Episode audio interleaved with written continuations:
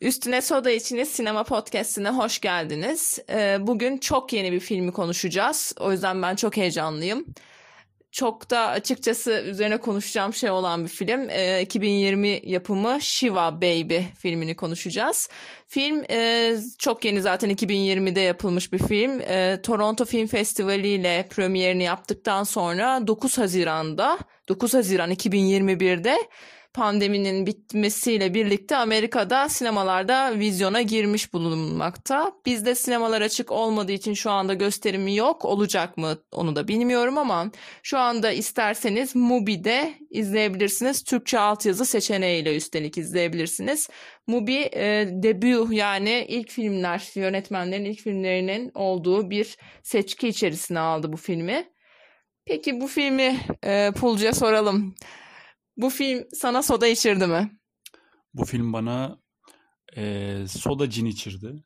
Çünkü yani film boyunca insanı çok şüpheye düşüren anlara sahip bir film. Ben sürekli acaba bu kadar aileme dair şeyleri nereden biliyorlar? Bu kadar bizim kültürümüze ne kadar hakimlermiş? Üstelik Kanada'da geçen bir hikaye, üstelik Yahudi bir ailede geçen bir hikaye. Nasıl bu kadar bizden olabilir diye düşündükçe yudum yudum sodamı bitirdim. Sonunda büyük bir rahatlama geldi ama. Peki sen? Valla ben e, filmi izlerken dedim ki bu sodalar nereye gitti dedim ki öyle bir program olacak. Yani ben bu kadar soda nereye gitti aslında biraz onu açıklayacağım. Filme karşı ben böyle fazla fazla yükseldim. Bu kadarını beklemiyordum. İzlerken de açıkçası çok böyle bakalım zaten 77 dakikalık bir filmdi kolay bir şekilde akar gider diye açtığım. Hatta aslında genelde ben filmleri böyle bir ritüel olarak değil de arada kahvaltı yaparken izlemeye başlarım. Bu filme öyle başlamıştım. Kahvaltı yaparken başladım ama herhangi bir şekilde kahveyle, çayla gitmiyordu. Artık bir yerden sonra böyle bazı şeyler takıldı kaldı. O yüzden e, sonrasında bir daha dönüp bunu bir oturup baştan izlemek lazım diye düşündüm. Bir açıdan da bu dinleyicilerimiz eğer şu anda izlemeyen varsa izlemeden bence e, bunu dinlemek yerine 77 dakika 80 dakikanızı ayırın. Filmi mutlaka izleyin. Çok güzel bir film. Bence Türkiye'de yaşayan ve böyle az çok sen büyüyünce ne olacaksın diye akrabaların yanında bir konunun içerisine, sohbetin içerisine sokulmaya çalıştıysanız çok şey hissedeceksiniz bu filme karşı. O yüzden mutlaka izleyin sonrasında geri dönün podcast'imizi dinleyin. Ee, eğer bu arada istemiyorsanız uzun geldiyse yine de 80 dakika uzun geldiyse yönetmenimizin Vimeo üzerinde izleyebileceğiniz filmi kısa film olarak da var. Aynı filmin kısa filmi var. Aslında küçük bir özeti diyebiliriz ama çok birbirine benziyor mu benzemiyor mu onu aslında tartışacağız şimdi ileriki dakikalarda. Filmimiz zaten e, yeni bir film söylediğimiz gibi aynı zamanda bir ilk film. Yönetmenimiz kadın e, Emma Seligman. İlk filmini aslında bir yandan da mezuniyeti için hazırlamış olduğu kısa filmin genişletilmiş halini sunmuş. Ve aslında çok güzel bir ilk film olmuş. Ayrıca e, başrolde oynayan kızımız da buradaki adı neydi? Daniel. Daniel'di. E, Rachel Sennott. Kendisi aynı zamanda e, şeyden de ünlü. YouTube'da kendisinin komedi şeyleri var, skeçleri var. Onlara da isterseniz bakabilirsiniz. Oradan da bir ünü var. Şimdi bizim filmimizde özellikle mesela şimdi başından itibaren konuşmaya başlayacak olursak ilk başta şeyi soralım. Posterleri birden fazla iki posteri vardı özellikle. Bir de tabii şeyi sayarsak kısa filmin posterini sayarsak 3 poster gördük. Posterler hakkında sen ne düşündün? Ben açıkçası filmlere dair öncesinde hiçbir şeye bakmama tercihimi sürdürdüğüm için posterlere tabii ki filmden sonra baktım. Ee, ilk başta da hani filmin adına bakınca Shiva Baby hiçbir şey oluşturmadığı için kafamda. Zaten öncesinde bakmıştık ne demek bu Shiva. Bir yandan da The League izleyenler varsa Orada da sürekli Yahudi birkaç aile üzerinden Shiva muhabbeti çok dönerdi ama hiçbir fikrim yoktu açıkçası konuya dair. Burada da konunun bir işte cenaze ritüeli olduğunu öğrendikten sonra ha Shiva baby resimde de yani posterde de bolca e, şeker mi denir artık glaze mi? Ya krem şanti üzerinde krem bagel'lar var gibi görünen hmm. bir e, ve kızın aslında böyle bir kıyafet giymiş. Bir yandan gelinliği andıran bir kıyafet. Sanki ama bir yandan da krem şantiden oluşma bir tatlıya benziyor. Bu şekilde e, çok cüretkar bir bakış attığı elindeki yiyecekle birlikte cüretkar bir bakış attığı bir poster var. Shiva Baby yazısında e, böyle neonlarla yazılmış gibi görünüyor ve Shiva'nın i'si de Davut Yıldızı şeklinde yapılmış. Bu posterle Mubi'de bildiğim kadarıyla gösterimi veya Letterboxd'a baktığımızda da bu posteri görüyoruz. E, bir diğer posteri de sanırım bir sinagogta Yine evet baş, fazla cüretkar bir evet, şekilde. başrolümüz hani bir e, şey olan bir yerde dinle ilgili olamayacağını düşündüğümüz bir pozla e, duruyor. Yine böyle cüretkar bir poz. Onun dışında bir de e, görecekseniz eğer Vimeo'da izlerseniz posterini görürsünüz mutlaka. Oradaysa e, çizim var. Öncelikle karakter çizimi var. Mavi çizilmiş bir sürü insan var. Dört tane kişi var. Bir de bizim kızımız yani başrol oyuncumuz turuncu bir şekilde herkes ona bakarken o biraz da utanmış bir şekilde aralarında üzgün bir şekilde duruyor. Ki orada da e, aslında onların din adamları hahamı da görüyoruz bir yandan. Hani böyle yetişkin insanlar var en arkalarında haham var ve biz Shiva'nın anlamını bilmiyorsek de aslında burada bir dini bir ritüel olduğunu belki hissedebiliriz bir yandan da. Aslında özellikle sinagogdaki e, postere benim yani dikkatimi çeken taraf oldu. Çünkü e, filmin aslında izledikten sonra posterleri görünce şöyle bir havası oluşuyor. Sinagog ve bu hani şehvetli hali, uyumsuzluğu çok ön, ön planda. Film boyunca da Shiva gibi bir cenaze organizasyonunda hiç cenazede olmayacak şekilde muhabbetlerin dönmesi ama bir yandan da zaten en başta dediğimiz gibi bizim de cenazelerimizde bu şekilde çok alakasız şeyler konuşulur. Genelde evet. insanları ölüm duygusundan uzaklaştırmak için bambaşka şeyler konuşulur. Buradaki aile, ana aile cenazenin yakını bile değil o kadar. Ki kısa filmde dikkat ederseniz çok daha uzaklar. Evet. Akraba olarak. Burada biraz daha yakınlaştırılmış hikayeye sokulmak için. Ben oradan baktığımda kısa filmle uzun e, feature filmi kısa kıyasladığımda da hani uzun filmi izlediğimizde sanki böyle tamam çok yakın çok bizden dedik ama biraz karakterler kısa filme kıyasla biraz daha farklıydı evet, sanki. Evet, evet. Birazcık daha orada aslında hani karikatürize edilmiş gibiydi. Özellikle bunu önceden de konuştuğumuzda senle söylemiştin. Aslında ben kısa filmi daha çok sevdim diye söylemiştin. Bir yandan da kısa film çok daha ciddi bir söylemini ayakları daha yere sağlam basarak söylüyor. Yani burada bazen şeyi unutuyorsun. Ben şu an neden izliyorum? Ne verilmeye çalışıyor? Acaba yönetmenin burada söylemek istediği ne kısmı? Ya aslında kısa bir süre film uzun bir film değil evet ama bir, bir buçuk saatlik bir sürenin içerisinde biraz daha kısa bir yerlerde unutabiliyorsun bir yerlerde sapmalar yaşanabiliyor ama kısa film çok özüyle ne demek istediğini veriyor bir yandan da. Çünkü filmi hani sanki uzatmak için yani çünkü 70 dakika çok kısa bir film yani bir film süresi için aşırı kısa. O yüzden de hani filmi sanki 70 dakika olsun diye araya çok fazla şey eklenmiş hissi yaratmıştı bende. Daha ben kısa film diye bir şey olduğunu bilmiyordum. Evet. Bu kısa, noktada hı. kısa film olduğunu sonradan öğrendim. Hı hı. Sonunda kısa filmi izleyince çok iyi. Gerçekten çok iyi dedim aradaki pek çok şeyin hani bana gereksiz gelen pek çok şeyin gerçekten yönetmenin de sonradan eklediğini ve sonradan bunu bir filme dönüştürmek için bir nevi prodüksiyon büyüdükçe aslında ona uyumaya çalıştığını ama küçük prodüksiyonla ne kadar güzel bir afiş hazırladığını, ne kadar güzel bir film çektiğini hı hı. hissetmiş oldum. Çok etkileyici geldi. Yani sadece kısa filmi izleseydik herhangi bir Akbank Film Festivali'nde hı hı. mesela çok etkileyici bir film deneyimi olurdu. Evet doğru. Diye düşündüm. Doğru evet hiç bu filmi bilmeden sadece o kısa filmi izlesem ben de büyük ihtimal Aa, çok güzel bir kısa film izledim izlenimi uyandırırdı.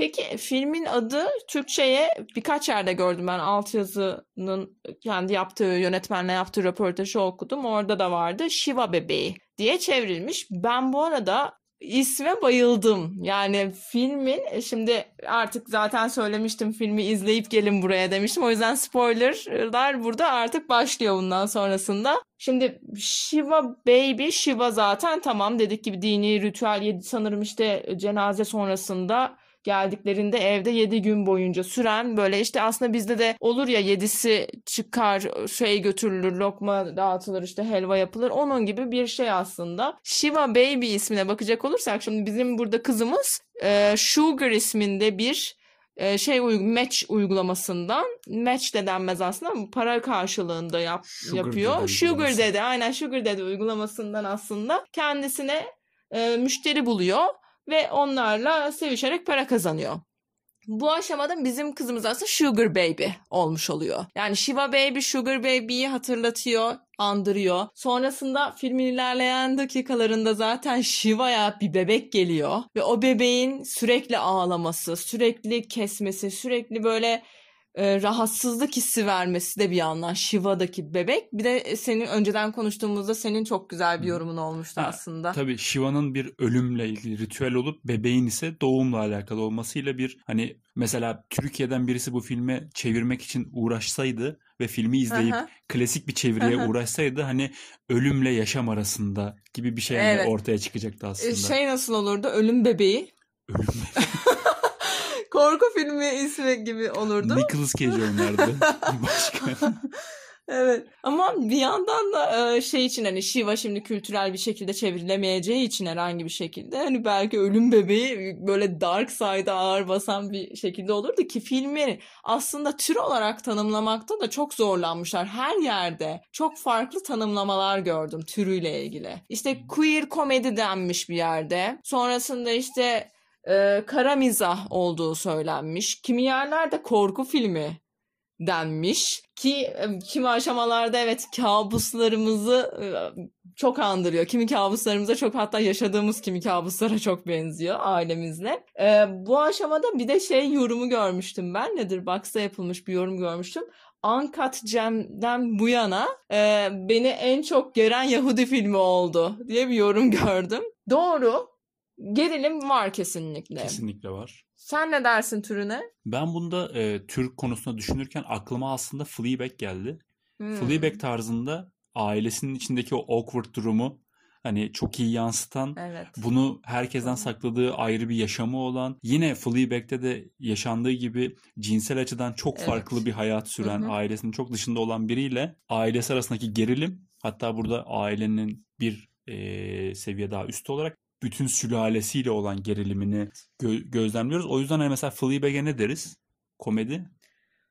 Ee, yok komedi değil demeyiz. Kesinlikle komik bir film. Komik değil yani komedi belki dense bile komik değil. Ya kara mizah kelimesinden de ben nedense hani dark humor demek hoşuma gidiyor ama sanki kara mizah dediğimizde aynı şeyi dememişiz gibi bir his var bende.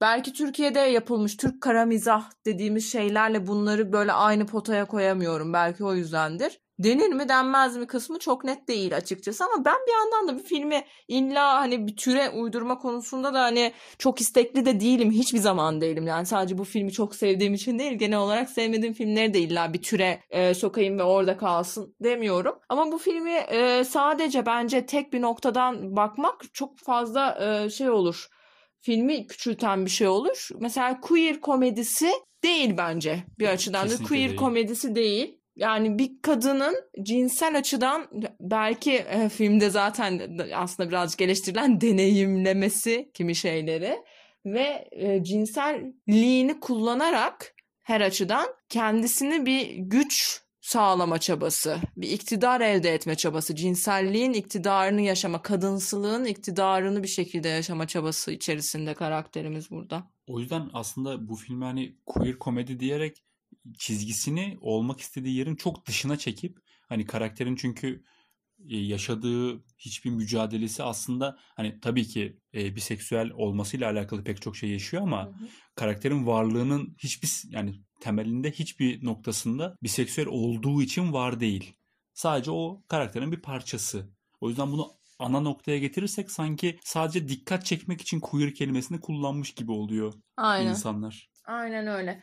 Ben e, bir de şu şeyden biraz rahatsız oldum. Yabancı özellikle şeylerde The Guardian'da falan gördüğüm yorumlarda vardı yanlış hatırlamıyorsam. Filmde ısrarla bir seks işçiliği e, tabiri kullanılıyor.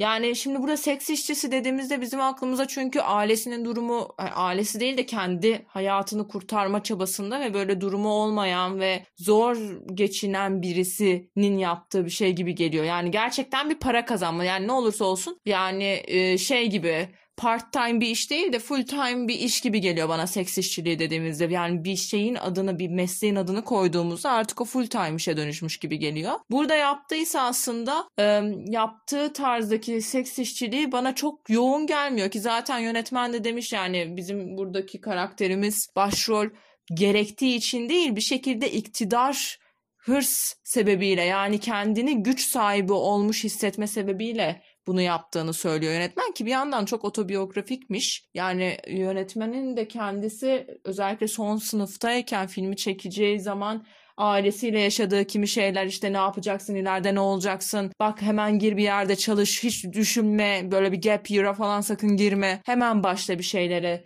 dediği zaman da kendisi de aslında böyle bir şey yapmış yani cinsel açıdan e, bir şekilde bunu para karşılığı yaparak bir haz duygusunun yarattığı ben sana böyle bir hizmet sunuyorum ve seni işte paranı alabiliyorum bu şekilde diyerek böyle bir hırsa girmiş aynı zamanda. O yüzden e, kendisi de benzer şeyler yaşamış. Filmde aslında Max'ti sanırım. Aha Max. Ee, adam olan Hı-hı. karakterin. Pardon adam dedim. Yani onun da mesela oh yeah. evli olduğunu e, fark edince ilk başta bir hayal kırıklığı varken sonrasında hani karısını gördüğünde ki karısının nedense herkes aşırı güzel olduğunu iddia ediyor. Yani, Bu noktada kendini aslında biraz iyi de hissediyor. Hani bununla bunu bırakıp bana demek ki yani düştü değil de bana geldi. Hı-hı. Demek ki hani ben daha iyiyim. Aslında evet. yine bir iktidar arayışını yine bir hırsı evet. burada bir canlandırıyor. Yine işte Maya ile araları ilk anlarda gördüğümüzde aşırı bozuk. Çok gerilmişlerdi evet. aynen. Yani başta. teyzeleri e, artık bilmiyorum anneanneleri neyleriyse onlar evet. onların önündeyken birbirlerine sürekli bir laf sokma şeyleri var. Sırf kendi aralarındaki o cinsel gerilim ortaya Aynen çıkmasın öyle. diye aynısını Max'te de yaşıyor. Max de karısının önünde konuşurken evet. aşırı bir gerilimle konuşuyor. Çok geriliyor. Ama sonrasında birebir kaldıklarında hayatın çok farklı olduğunu aslında nasıl bir kendileri nasıl bir role soktuklarını hani o an fark Hı-hı. edip birbirlerine en son dışarıda zaten Hı-hı tam anlamıyla patlayıp Evet rahatlamışlardı artık o aşamada. Şimdi e, böyle aslında artık şimdi artık filmi konuşmaya başlayalım. Spoilerları deminden beri tam olarak vermedik ama e, bundan sonrasında e, çok net şeyler duyacaksınız filmin içeriğiyle ilgili çünkü büyük ihtimal böyle şu oldu bu oldu diye sahne sahne konuşuruz. Şimdi bu aşamaya gelmeden hemen önce e, internette gördüğüm çok güzel bir film özetine denk geldim. Bu film okuyacaklarım şu anda bu film değil. Yani Shiva Baby olmayan bir filmin özetini okuyacağım şimdi birazcık size. Genç bir kız olan Daniel sevdiği bir kişinin ölümünü, sevdiği bir kişinin ölümü mü? Hemen soruyorum. Sanırım çok sevdiği birisi çünkü o kadar etkilenmiş ki kimin öldüğünü unutmuş ve girip evet. soruyor anne kim öldü diye. Evet yani kimin başlıyor kimin şivasına geldiğini ki cenazesine zaten gelmiyor. O sıra işi var çünkü yani. Ee, gerçekten para kazandığı işini yapıyor ve Hani yani bizim bu Max dediğimiz adamla sevişiyorlar, parasını alıyor. O sıra annesinin ses kaydını dinliyor, sesli mesajını dinliyor ve aa tamam diyor Shiva'ya geçiyor. Film böyle başlıyor aslında. Film bir e, seks sahnesiyle, sevişme sahnesiyle başlıyor. E, sonrasında buradaki yorumda diyor ki sevdiği bir kişinin ölümünün ardından gerçekleştirecek olan Yahudi ritüeli Shiva'ya katılmak için ailesinin yanına gider. Yolculuk sırasında evli bir adam olan Max ile tanışan Max ile tanışan zaten uzun zamandır sugar daddy'lik yapıyor bir en ona. Hani evet öyle birkaç seferleri var gibiydi. Yolculuk sırasında tanışmak diyor. Yolculuk yani şehirler arası otobüste mi tanışıp sevişiyor bu insanlar? Bu nasıl bir yorumdur? Nasıl bir özettir? Belki de hani yolculuk olarak kastettiği şey hayat yolculuğu sırasında tanışmalarını gönderme evet. yapıyordur. Evet. Olabilir. Sonrasında da para karşılığında ilişki yaşar şeklinde çok Sugar kötü anlatıyor. bir evet kibarlaştırma çabasına girilmiş. Sonra ailesinin yanına gittiğinde tavırlarıyla aile üyelerinin tepkisiyle karşılaşır. Sonra onu bir de kötü bir sürpriz beklemektedir. Çünkü Max karısı ve ağlayan bebeğiyle ortaya çıktığında bu özel günde beklenmeyen olaylar meydana gelir. Bunu okuyunca ben diyorum ki burada gerçekten bir komedi var. Yani böyle şey bekliyor insan. İşte o ondan kaçacak, o onun karısını görmek için şey olacak. Biz böyle o öteki odaya girince ha ha ha ha diye güleceğiz. Hani ben böyle bir şey bekledim şu yorumu okuyunca ki e, zaten çok şükür sonrasında okudum öyle bir araştırırken gördüğüm bir özetti. Ee, bu da çok bilinen bir sitede yani denk gelme ihtimaliniz yüksek. Ama bence denk gelmezseniz çok daha iyi olur o ayrı. Filmin başında bir sahne var benim özellikle merak ettiğim. Bunu bence izleyenler acaba kafalarında bir yerde oturttular mı? Şimdi bir bileklik taktı Max. Çünkü bilekliğin Daniel'e ait olduğunu düşünüyordu diye düşünüyorum. Sonrasında film ilerleyince anlıyoruz ki Max'in karısı kim? Kime ait aslında? Ve Max onu aslında annesi de soruyor. Aa bu bileklik nereden diyor. Çünkü annesi yani bunun pahalı bir şey olduğunu farkına vardı nereden diye soruyor. Biz mi aldık? Bir yandan da annesi şey modunda biz biz sana bu kadar değer vermiyoruz ki biz sana böyle bir şey almış olamayız aslında ama bir şey de demiyor. Kondurmuyor da orada. Oradan acaba işte ilk başta kibar bir şekilde acaba senin bir erkek arkadaşın mı var? Ha, o evet, mu sana hediye oluyor? Evet. Biraz alttan onlar veriliyor Evet. gibiydi. Çünkü birkaç kişi daha ya birkaç kişi değil hatta gördüğü herkes bunu Herkes, sordu. herkes sürekli erkek arkadaşın mı var? Ne iş yapacaksın? Ee, okulda bitiyor. Ne yapıyorsun sen şimdi? Aa, iyi iyi bir de herkese söylediği bir yalan var bu arada. Bu sugar baby'likten gelen parasını babysitting yani çocuk bakmaktan geldiğini söylemiş ailesine. Hani bu tarz bir iş yapıyor.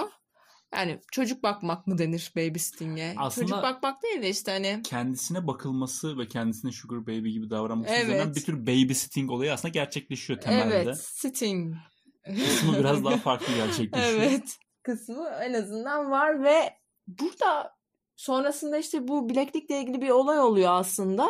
Adam o bilekliği takarken ha şey diyor adamın karısı diyor ki bu bilekliği e, bana özel bir üretim bana özel değil mi de özel ve az bir üretim ve çok yeni bir üretim diyor. Siz bunu lisede almış olamazsınız gibi bir şeye giriyor.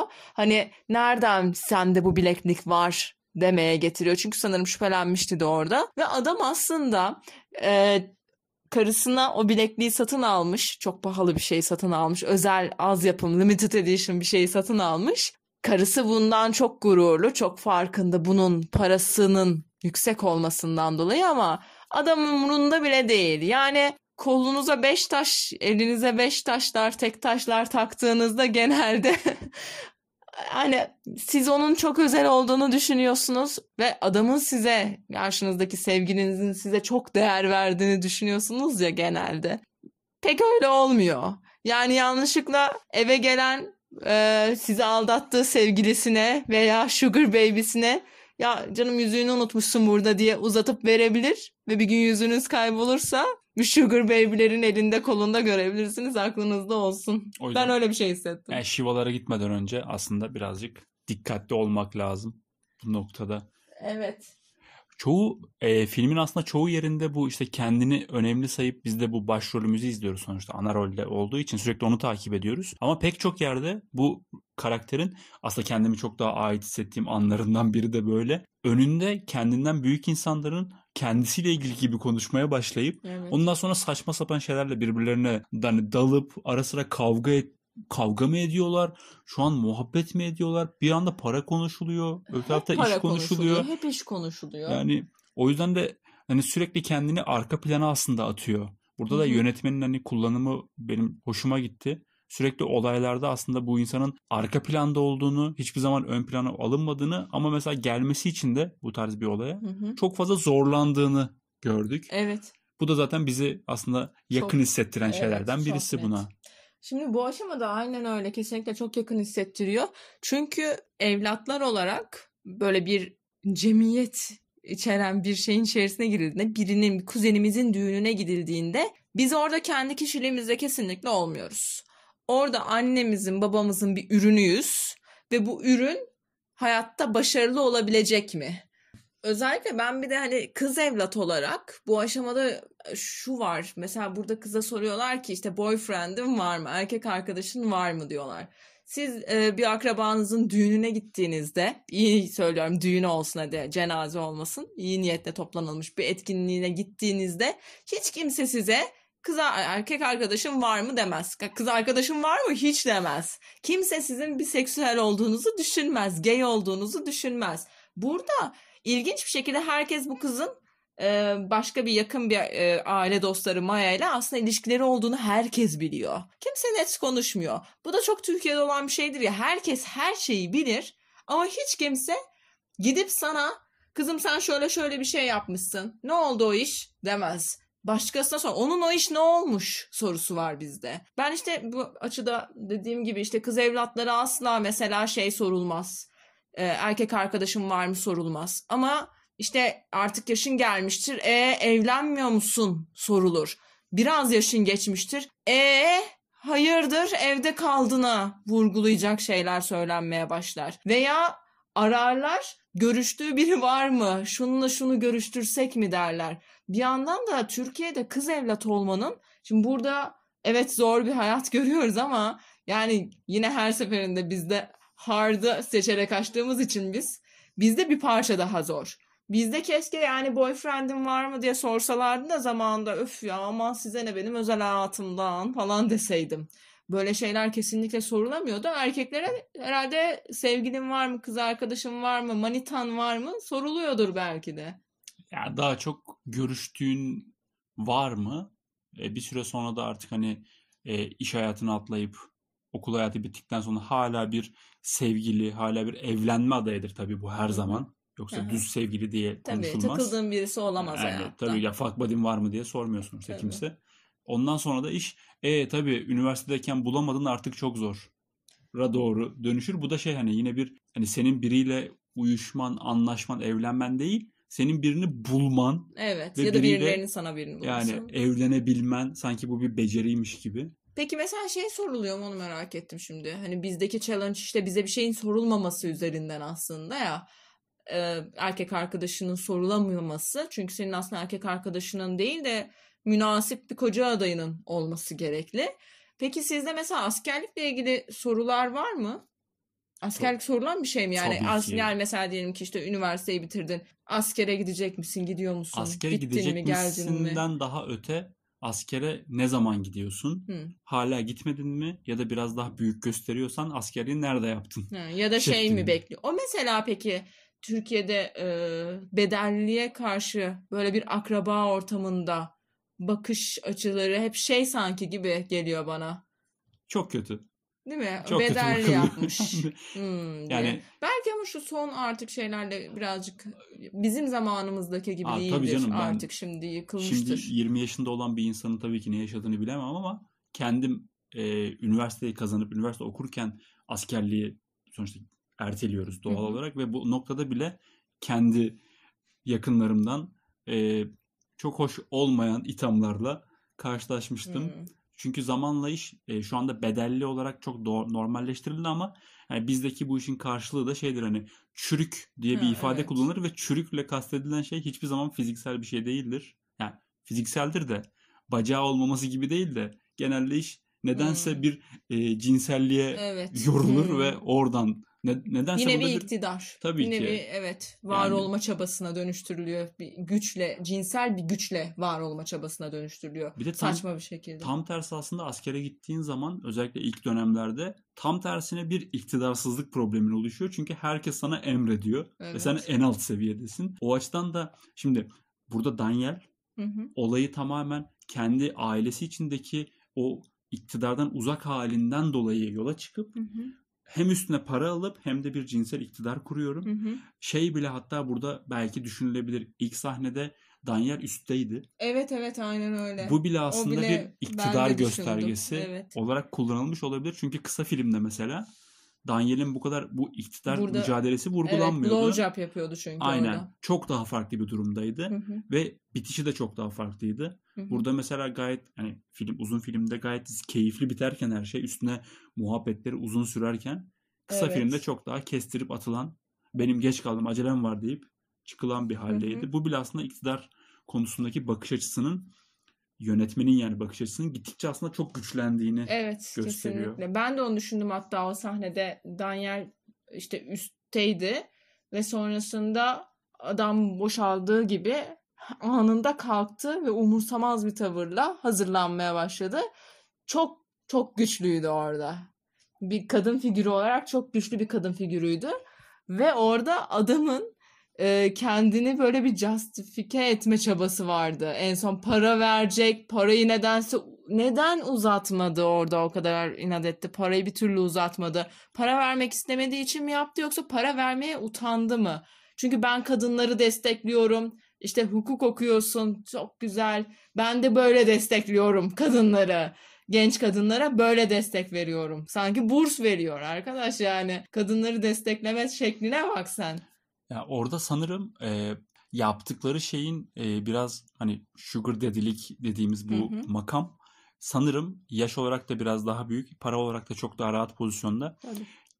Belki o da kendi iktidarını aslında yani ben bu işi para için yapmıyorum. Yani parayla yapmıyorum. Hmm. Aslında ben bu işi parasız da yapıyorum. Ben zaten hani hükmediyorum Hmm.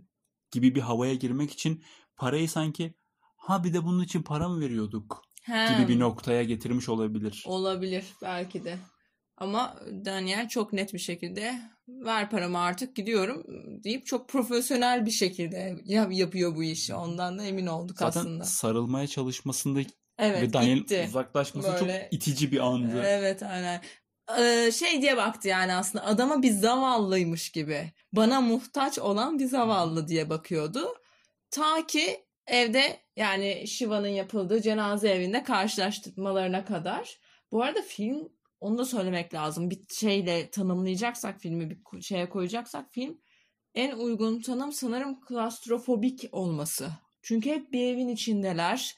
Hep böyle bu aslında şey gibidir yani bir evin içinde olmak bir metafor burada aslında. Ailen, akrabaların sürekli dibindedirler ve böyle özellikle üniversiteye ya yeni başlamış ya da lise sonunda olan arkadaşlar daha iyi bilirler. Böyle o seneleri hatırlamak bile istemiyorum. Bir şeyden çıkmak isteği. Bitsin artık çıkayım.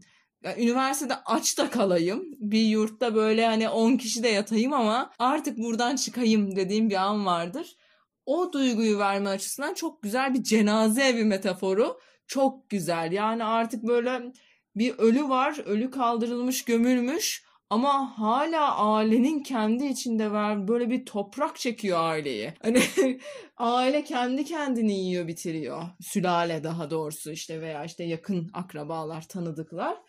İnsanlar birbirini nasıl öldürdüğünü, kemirdiğini filmde görüyoruz ve film boyunca aslında film tamamen bu arada iktidar üzerine bir film. Cinsel olur veya olmaz bir para üzerinden hep kadınların özellikle birbirlerine benim şuyum var, senin buyun var. İşte bizim kızımız şunu yaptı, sizinki ne yaptı? Aa o oraya mı gitmiş şeklinde sürekli bir dedikodu, sürekli bir birbirlerine bir şey kanıtlama çabası. Yani aslında herkes birisi ölse de son yaptığım şeyleri konuşabilsem diye bekliyormuş gibi.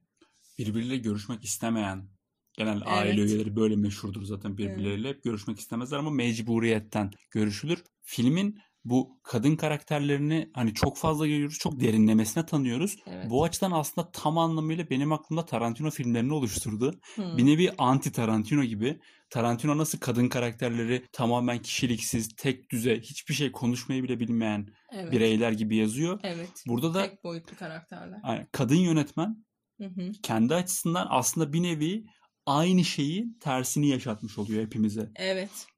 Hiçbir erkek karakterin bir derinliği yok. En derin diyebileceğimiz karakter Max. Hı. Onun Zaten da- iki ka- erkek karakter aslında baba ve Max'i çok Evet. net görüyoruz. Babanın da karakteri tamamen Yahudi olması üzerine. Başka Evet. hiçbir özelliği yok. Evet. Benim de en karikatürü bulduğum karakter anne ve baba zaten. Hı hı. Diğer tabii teyzeler de bir nevi kendilerini bir sitcomun içerisinde gibi hissediyorlar. Hani buradan hatta Coupling'in bir cenaze bölümü vardı. Hı. Orada da teyzeler böyle hani gelip punchline'ı teyze söylüyor. Hı. Gelip işte punchline'ı yan komşu söylüyor gibi. Hani komediyi arttıran ama dramatik bir filmde nereye koyacağımızı bilemediğimiz türden hareketler. Evet kesinlikle ben de öyle düşündüm. Hatta ben baba karakterini izlerken e, sonuçta bu karakter hem ya otör bu arada bizim burada yönetmenimiz hem yazmış hem yönetmiş.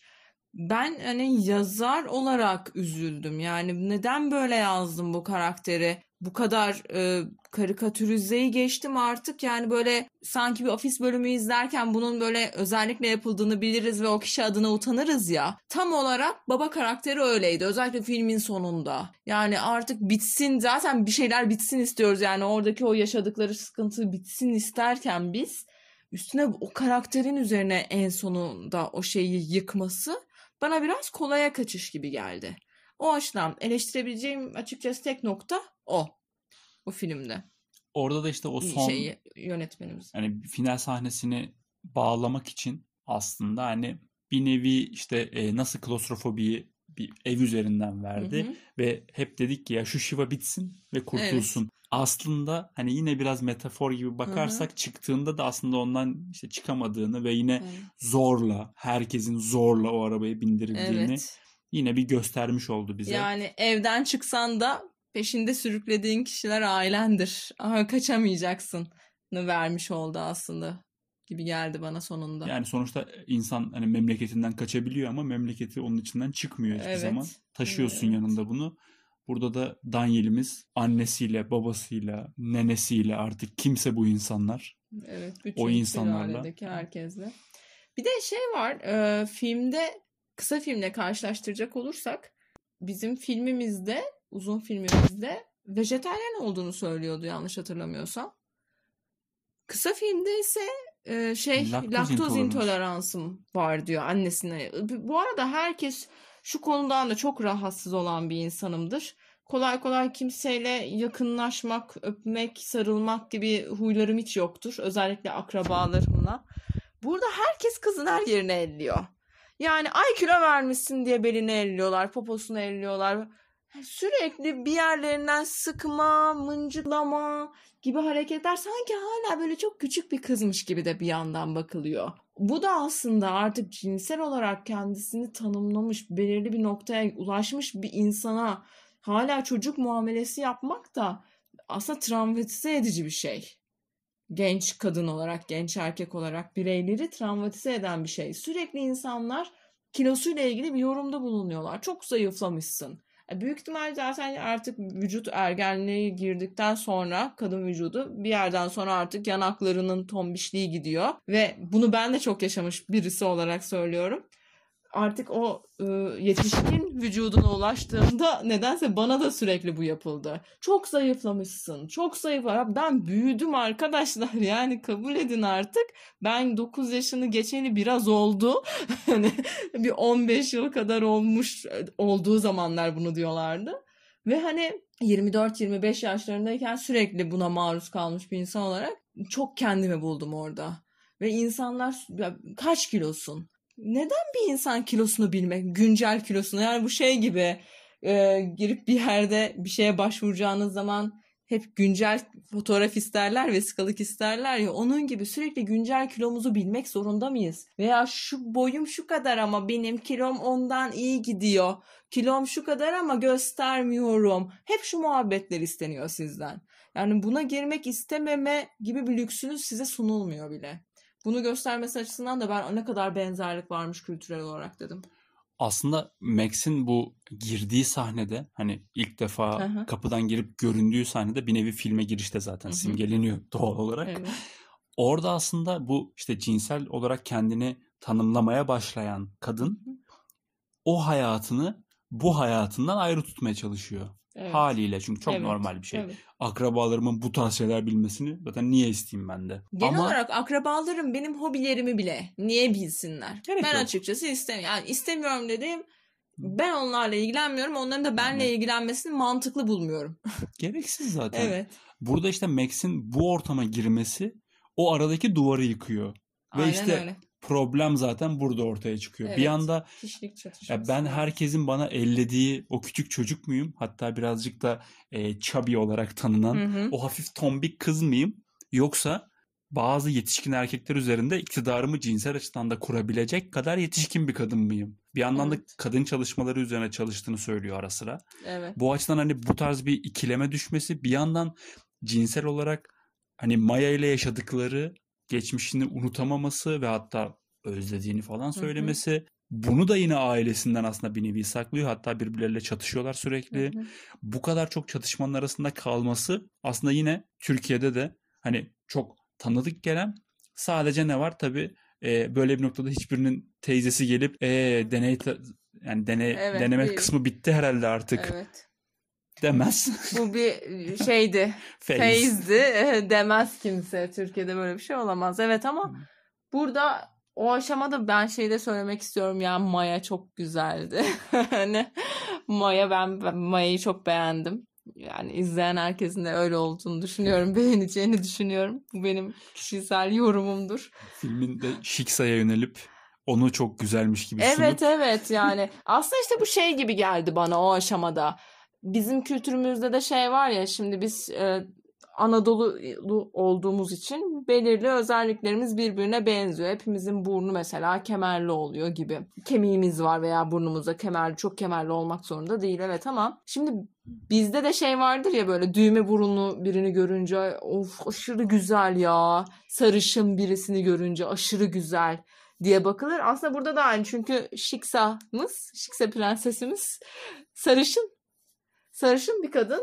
Bu sebeple diğerleri de sonuçta yani Yahudiler de Orta Doğulu. Onlardan dolayı da aslında bu sarışın kadını güzel bulmaları.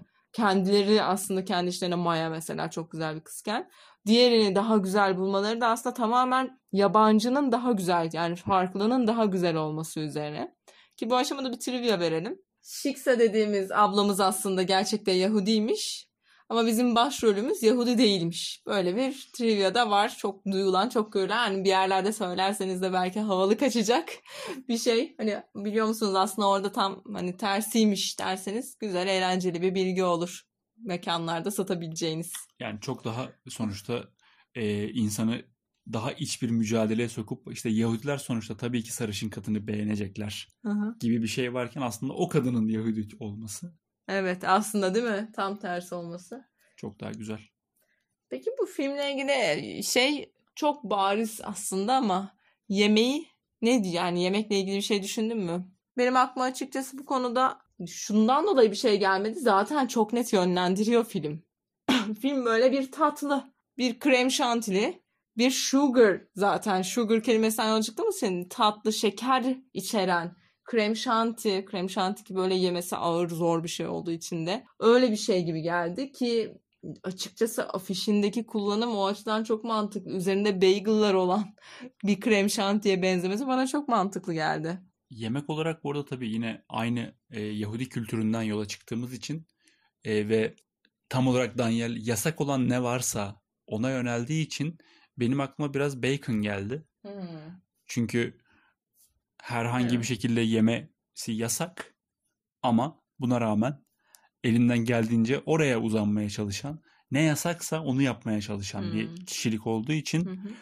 nedense böyle e, bir İngiliz Hmm. back bacon O benim aklımda evet. oluştu. Her ne kadar Olabilir. olay kendisi bir de Kanada geçse vejetaryen. de. Bir de vejetaryen olması Evet. aslında Daha da üstüne şey yapıyor. bir kat daha çıkabilir yani. Aynen öyle. Bir de filmde aslında çok net görünen bir şey var. Bir çekim tekniği.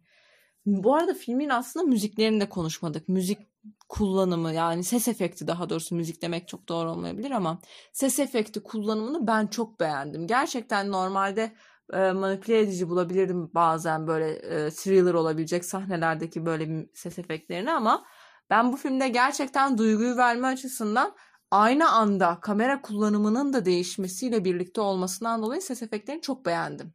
Burada aslında ses efektinde fark olarak söyleyeyim. Yani normalde bir Amerikan filminde ya da çok böyle ağlatma amacıyla çekilen filmlerde Hı hı. gördüğümüz hani bir anda aa bak burada ağlamamız gerekiyor deyip la la la la deyip sesi yükseltmek Hı hı. gibi değil. Gerçekten Daniel'in hissettiğini o an kafasında çınlayan sesleri bize vermesi Evet. açısından biraz daha hoş. Hatta bunu bazı sahnelerde renkle, kameranın Evet. oynamasıyla, titremesiyle, arka planın hareket etmesiyle de görüyoruz. Bu açıdan da hani çok hoş hamleler yapılmış yönetmenlik açısından da. Ha çok tabii film zaten kısa bir yapı olduğu için bu sahnelerde çok kısa kısa kalmış içinde ama bana her gördüğümde açıkçası keyif verdi. Çocuğun Evet. ağlaması da Evet. öyle anlara geldi ki gerçekten hani uçağa binersin Bazen Zaten gerginsindir. evet, binerken bazen çocuğu görmezsin. Evet. Dersin ki bebek yok galiba bu uçakta ve çok rahat bir yolculuk olacak. hı. Zaten Türkiye'de uçuyorsun bir saat maksimum uçuş. Hı hı. Onda da hani zehir olmasın diye düşünürsün ve sonra tam böyle tabii ki kalkış halinde basınç farkı oluştuğu anda o bebek ağlar. Biraz bana o hisse oluşturdu bu filmde. Doğru kesinlikle. Ben uçaklarda gerilen bir insan olarak özellikle bir de üstüne bir bebeğin ağlaması kesinlikle benim için kabusa dönüştürüyor ortamı. Burada da öyleydi. Ne zaman ortam gerilse bebek hissetmişçesine bebek sesi, ağlama sesi arkasından hemen eşlik etti ve o sahnelerdeki işte renk kullanımı, suratların kıpkırmızı gösterilmesi belirli bir aşamada artık e, şey olduğunda, gerilim çok yükseldiğinde, tansiyon çok yükseldiğinde ve çok yakın çekimler. Sürekli bizim zaten hani başrol oyuncusuna kamera sabitlenmiş bir şekilde onun olmadığı bir sahne var mıydı emin değilim. Sanırım yoktu film boyunca. Ona çok yakın, onun mimiklerini ki çok güzel oynamış o açıdan. Mimiklerini, ne yapmaya çalıştığını, nereye baktığını, amacını net bir şekilde göstermiş. Ben o açıdan çekim teknikleri açısından da filmi çok beğendim. Bir ilk film olarak bu tarz nasıl ilerler bilmiyorum ama eğer umarım mainstream feminizme kaçmadan güzel filmler çekebilir ileriki filmlerinde de bundaki gibi ama bunda da bakacak olursak demin konuştuğumuz gibi kısa film daha doğru söylemli bir feminist filmken bunda biraz daha mainstream'e kimi açılardan kaçmış gibi hissettirdi. Bu aslında biraz da ama bir mecburiyet. Hani kısa filmler çoğu zaman prodüksiyonun da küçüklüğünden dolayı söylemlerine daha bağlı hal, halde kalabiliyorlar ama filmin başında 10 dakika boyunca şu prodüksiyon bu prodüksiyon Evet, dendiğine çok göre prodüksiyon geçti. çok insan el atmış yani bu filme. Çok insan fikir beyan etmiş bu konuda. Bu Doğru. da aslında bir de bir yandan e, filmi feature filme çevirmeye çalıştığın için filmi uzatman gerekiyor. E, tabii ki hafiften yani yemek evde kalmış dün akşamdan da biraz sulandıralım gibi oluyor bir noktadan sonra. Doğru. Ki o kadar sulanmamış bir film. Oldukça Tabii. sıkı kalmış hala. 70 dakikayı falan tutturmuş çünkü. Hı hı. Hala derdi 2 saate yayalım da. Gerçi klasik bir Hollywood filmi 90 dakikadır. Hı hı. 90 dakika olsun diye mesela uğraşılmamış. O yüzden biraz da hala indie kalmış. Ama bunda da tabii ki işte şu da katılsın, bu da katılsın. Mesela normalde e, Maya diye bir karakter yokken kısa Evet. filmde Evet Maya hiç yok. ve e, Bir baş- biseksüel ilişkisi hiç yok yani öyle bir şeyden. Bir vurgu yok Ee, yani Evet öyle bir işte. vurgusu yoktu filmin. Ama Kısa filmin. e, film uzatılırken yönetmenin de kendi cinsel yöneliminden dolayı biraz da hani onu da katma isteğinden dolayı aslında bence güzel bir dokunuş olmuş. O açıdan hani kötü bir değişim diyemem buna. Ha, sürekli aralarda Yahudi karakterlerin biraz karikatür hareketleri olması beni birazcık hani rahatsız et demek biraz fazla olur. Hı hı. Birazcık dürttü ama. Yani tamam anladık.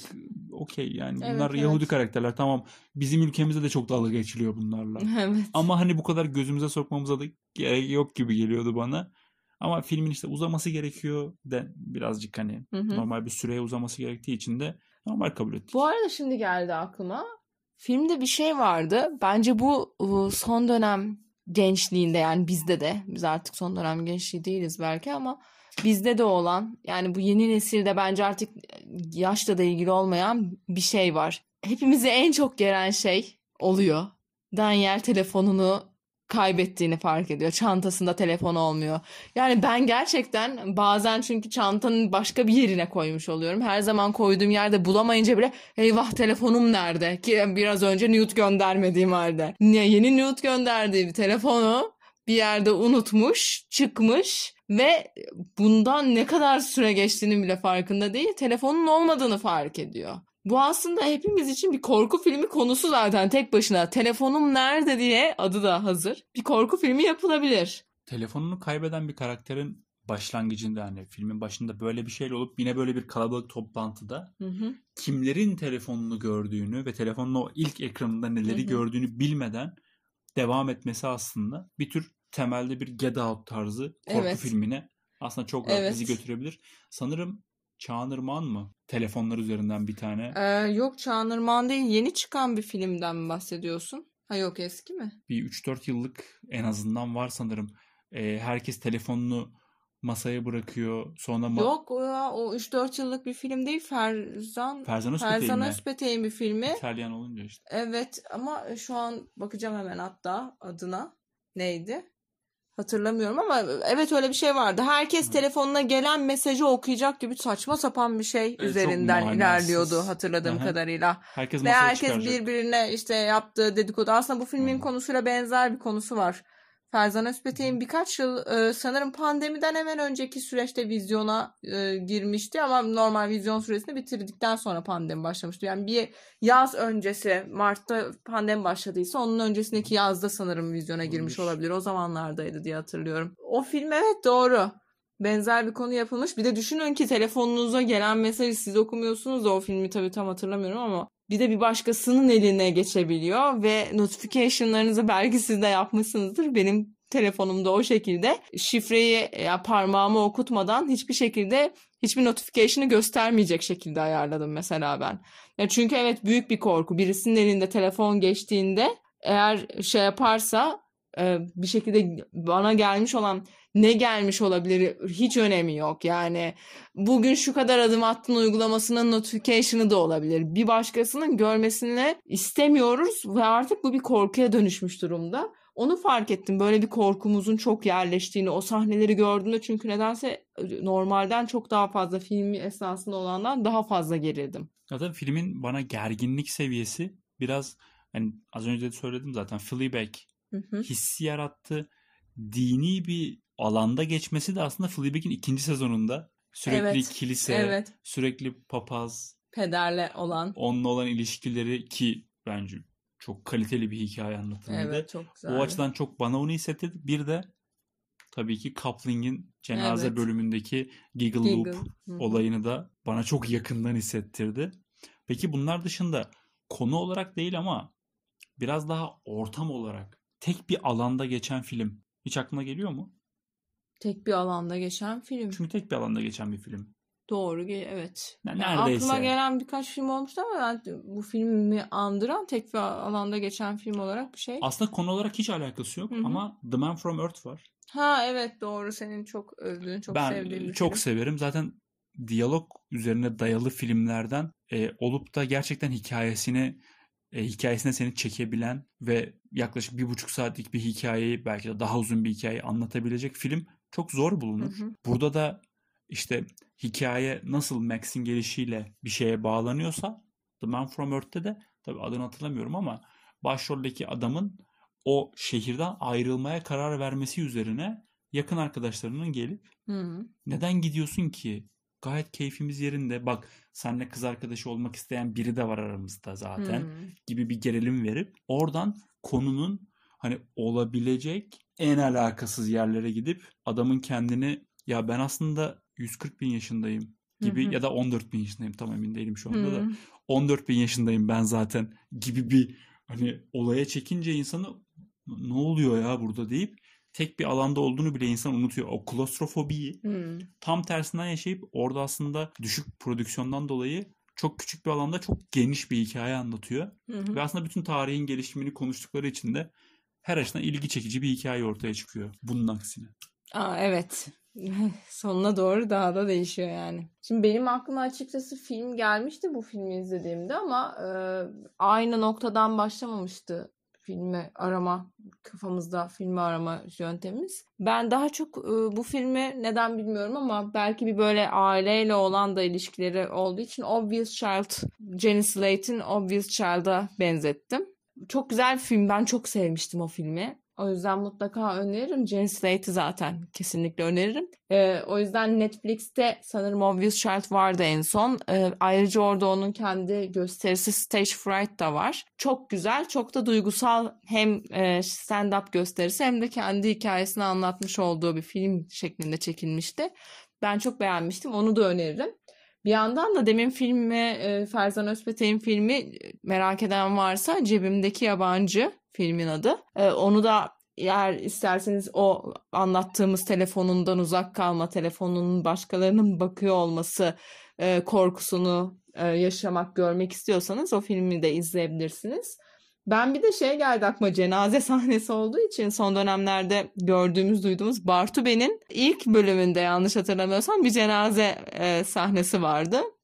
Yanına donduğu helvanın yanına dondurma istediği E, ve orada aslında konunun gene hiçbir zaman şey cenazenin kendisi olmayışı, cenazeyi hiç bilmeyen kişilerin gene cenazeye gelmesi. Hani kim öldü acaba diye birinin cenazede bulunması açısından ve bu arada orada Nazlı Bulum'un oynadığı Gizmo karakterimiz Gizem yani Gizmo karakterimizde de aslında bir benzerlik gösteriyor burada Daniel. Fiziksel olarak. Fiziksel olarak da böyle saçlarının kıvırcıklığı, boyu falan benzerlik gösterirken bir yandan da aslında cinsel haz arayışları ikisinin de filmde, oradaki dizide de aynı şekilde bana bir böyle bir benzerlik hissi vermişti. Aynen. Düşününce Bartube'nin de sonunda tweet atarak bugün cenazede helvanın yanına Eha, dondurma evet. istemesiyle meşhur olan o bölüm gerçekten oldukça uygun.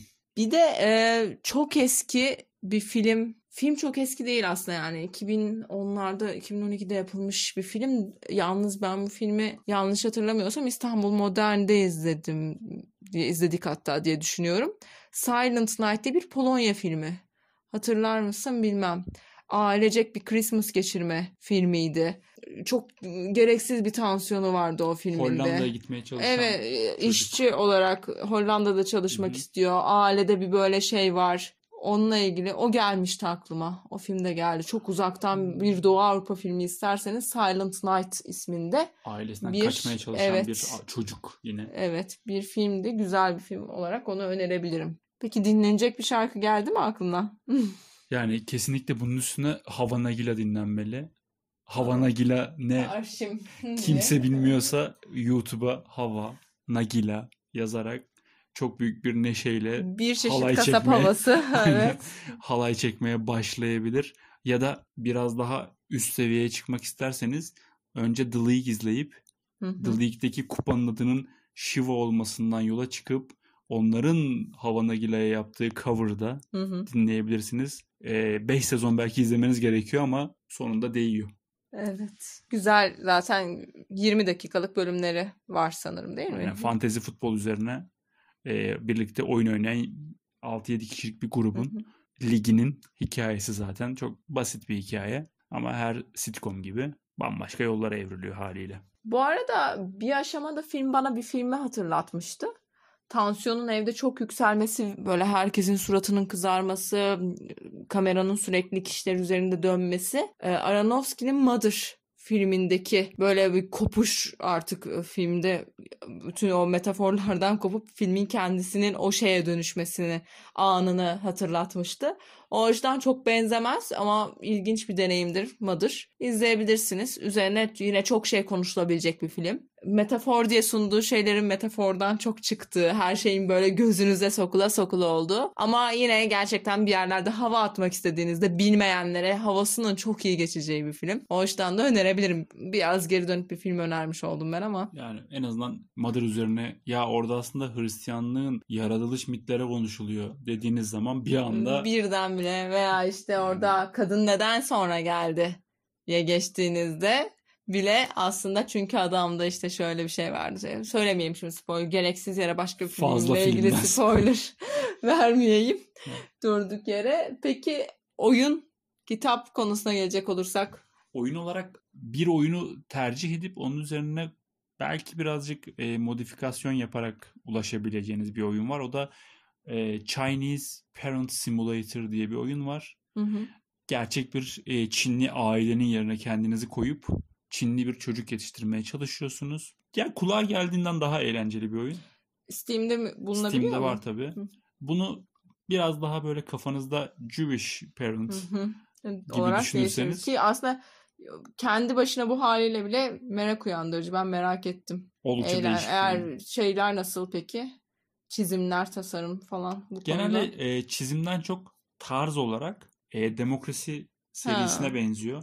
Tercihler Öyleyse. üzerinden gidiyor. Çizim pek yok ortada. Anladım. Hmm, Ben daha sevimli bir şey hayal etmiştim. Daha çok tercihlerin sonuçları üzerine yazı tabanlı, text based diyebileceğimiz türden bir oyun. Evet öyleyse filmimizi yaklaşık bir saattir konuşuyoruz. Yani film kadar konuşmuş olduk aslında. Şimdi bu aşamada birkaç küçük hatırlatmayla birlikte artık kapatıyoruz. Onlar da e, Mubi'de filmi izleyebilirsiniz demiştik. Aynı zamanda filmin sonunda yönetmenle bir söyleşi de var.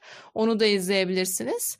O açıdan da e, Mubi üyeliğinizi sonuna kadar hakkını aldığını hissedeceğiniz bir e, film olacak bu. Onun dışında ayrıca yönetmenin Vimeo'da demin de söylediğim gibi filmin eğer vaktiniz yoksa veya izlemek istemiyor olabilirsiniz.